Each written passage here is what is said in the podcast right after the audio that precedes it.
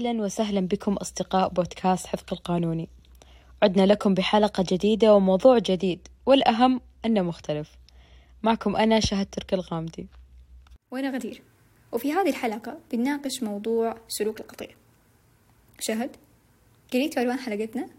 الصراحة شدني حسيته من جد غريب. قريت لو تبدأي وتوضحين الموضوع بشوية تفاصيل.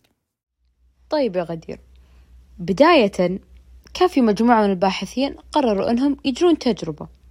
والتجربة كانت عبارة عن أنهم بيأخذون مجموعة من الأشخاص ممثلين طبعا وبيحطونهم في انتظار أحد العيادات. فدخلت بنت عليهم والشيء اللي ما تعرفه هالبنت إنها الحين صار جزء من التجربة.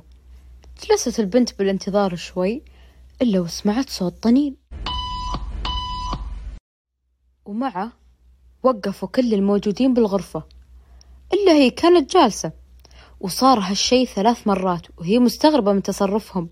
كل ما طلع صوت الطنين وقفوا وهي جالسة. فجت المرة الرابعة لما اشتغل صوت الطنين كلهم وقفوا ومعهم وقفت البنت. مع إنها ما تدري وش قاعد تسوي وش السبب اللي يوقفون عشانه كل ما يشتغل الصوت. لكن صار كل ما يشتغل هذا الصوت يوقفون كل اللي بالغرفة ومن ضمنهم البنت. وبعدها كل الأشخاص اللي كانوا بالغرفة معها الممثلين اطلعوا. وصارت هذه البنت لحالها بالانتظار. واشتغل الصوت مرة خامسة. لكن وقفت البنت. يعني حتى بغيابهم استمرت تمارس نفس التصرف. فبعدها بشوي دخل رجال الغرفة واشتغل صوت الطنين ووقفت البنت وهو كان جالس. فاشتغل الصوت مرة ثانية ووقفت. واستغرب من تصرفها وسألها ليه وقفتي؟ قالت ما أعرف بس كنت أشوف الكل يوقف لما يشتغل الصوت وسويت زيهم. واشتغل الصوت ووقفت البنت ووقف معها الرجال. ودخلت الغرفة بنت ثانية وصار معها نفس ما صار مع الرجال وحبة حبة إلين ما امتلت الغرفة من جديد. وكلهم صاروا يوقفون إذا سمعوا الصوت رغم أنهم ما هم عارفين السبب اللي يوقفون عشانه. فموضوع حلقتنا اليوم هو الاستنتاج اللي وصلنا له من هالتجربة. التصرف اللي كانت تسويه البنت والرجال والمجموعة اللي جت بعدهم سموه بسلوك القطيع. ونقدر نعرفه بتعريفه العلمي. هو بأنه اتباع الفرد لسلوك الجماعة اللي ينتمي إليها دون التفكير في منطقية هذا السلوك. الصراحة في الفترة الأخيرة شايف الموضوع منتشر. يعني البعض صاروا متطابقين في كل حاجة. أذواقهم متطابقة. ملابسهم نفس الشيء. أفلام مسلسلات يعني ما حكيكي والمشكلة إنه ما يهمهم يعني إذا عجبهم الموضوع ولا الأكلة ولا اللبس مو هذا مو هو المهم. أهم شيء هذا الموضوع ترندي.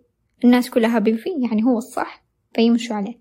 كأنهم ملزومين بحب هذا الشيء. كأنه يعني عرف أو قانون مجبرين على إنهم يمشوا عليه. ليس الموضوع حتى موقف عند أكلة ولا شربة ولا ولا لبسة. الموضوع صار إنه صاروا كمان يتبنوا أفكار ومبادئ مخالفة لطبيعتهم.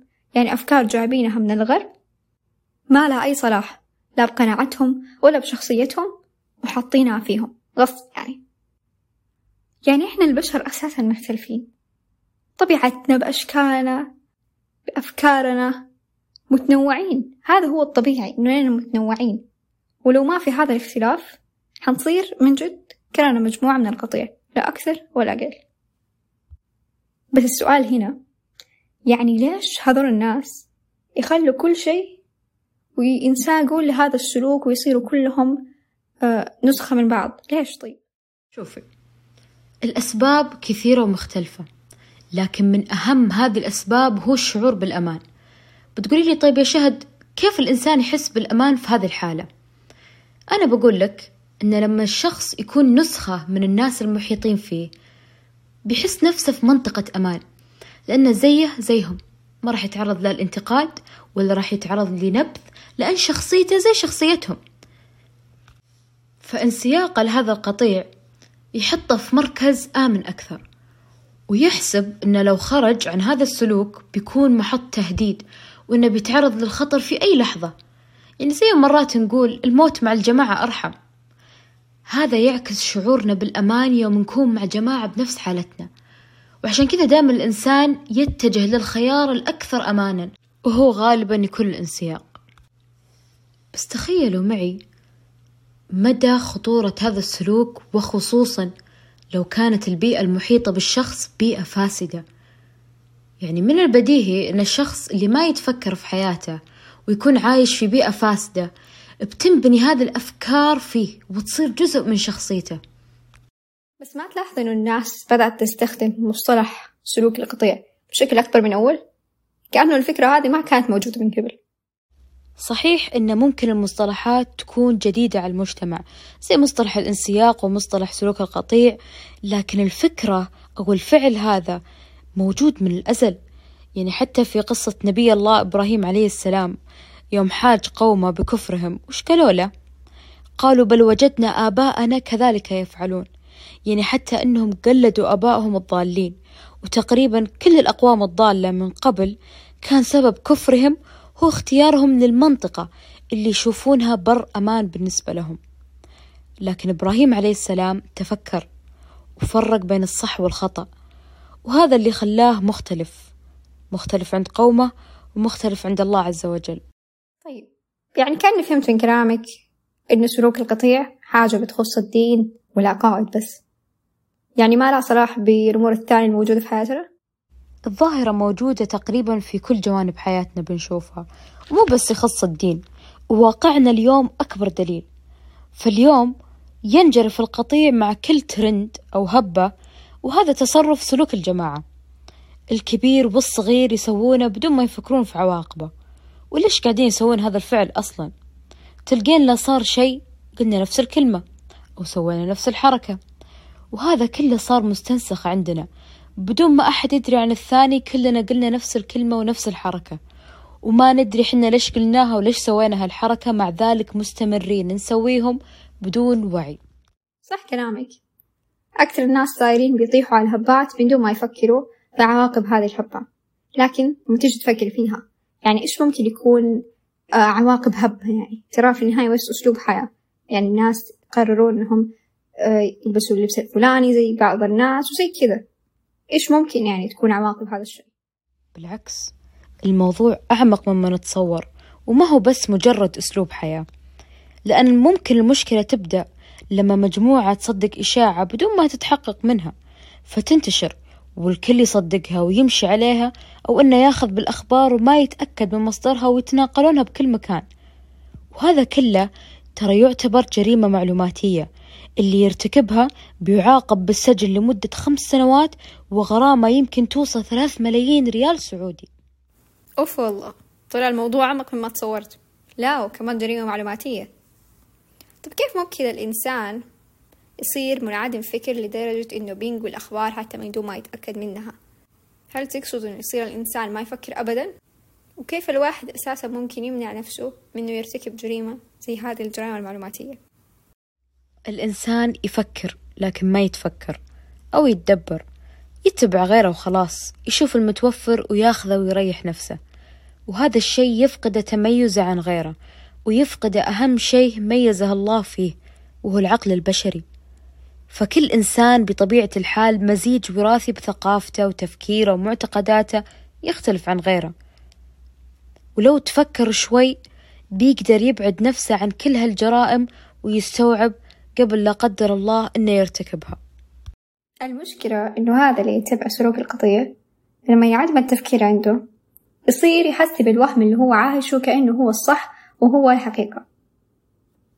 فيقول دام الناس كلهم ماشيين عليه معناته إنه هو الصح وأنا راح أمشي معاهم على هذا الطريق.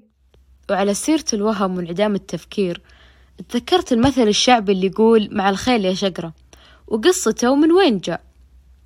المثل جاء من فلاح له بقرة شقرة إذا درب خيوله طلعت البقرة معهم وترفع ذيلها وتركض بسرعة مثل الخيل بالضبط. هذا المثل يجسد الموضوع حرفيا.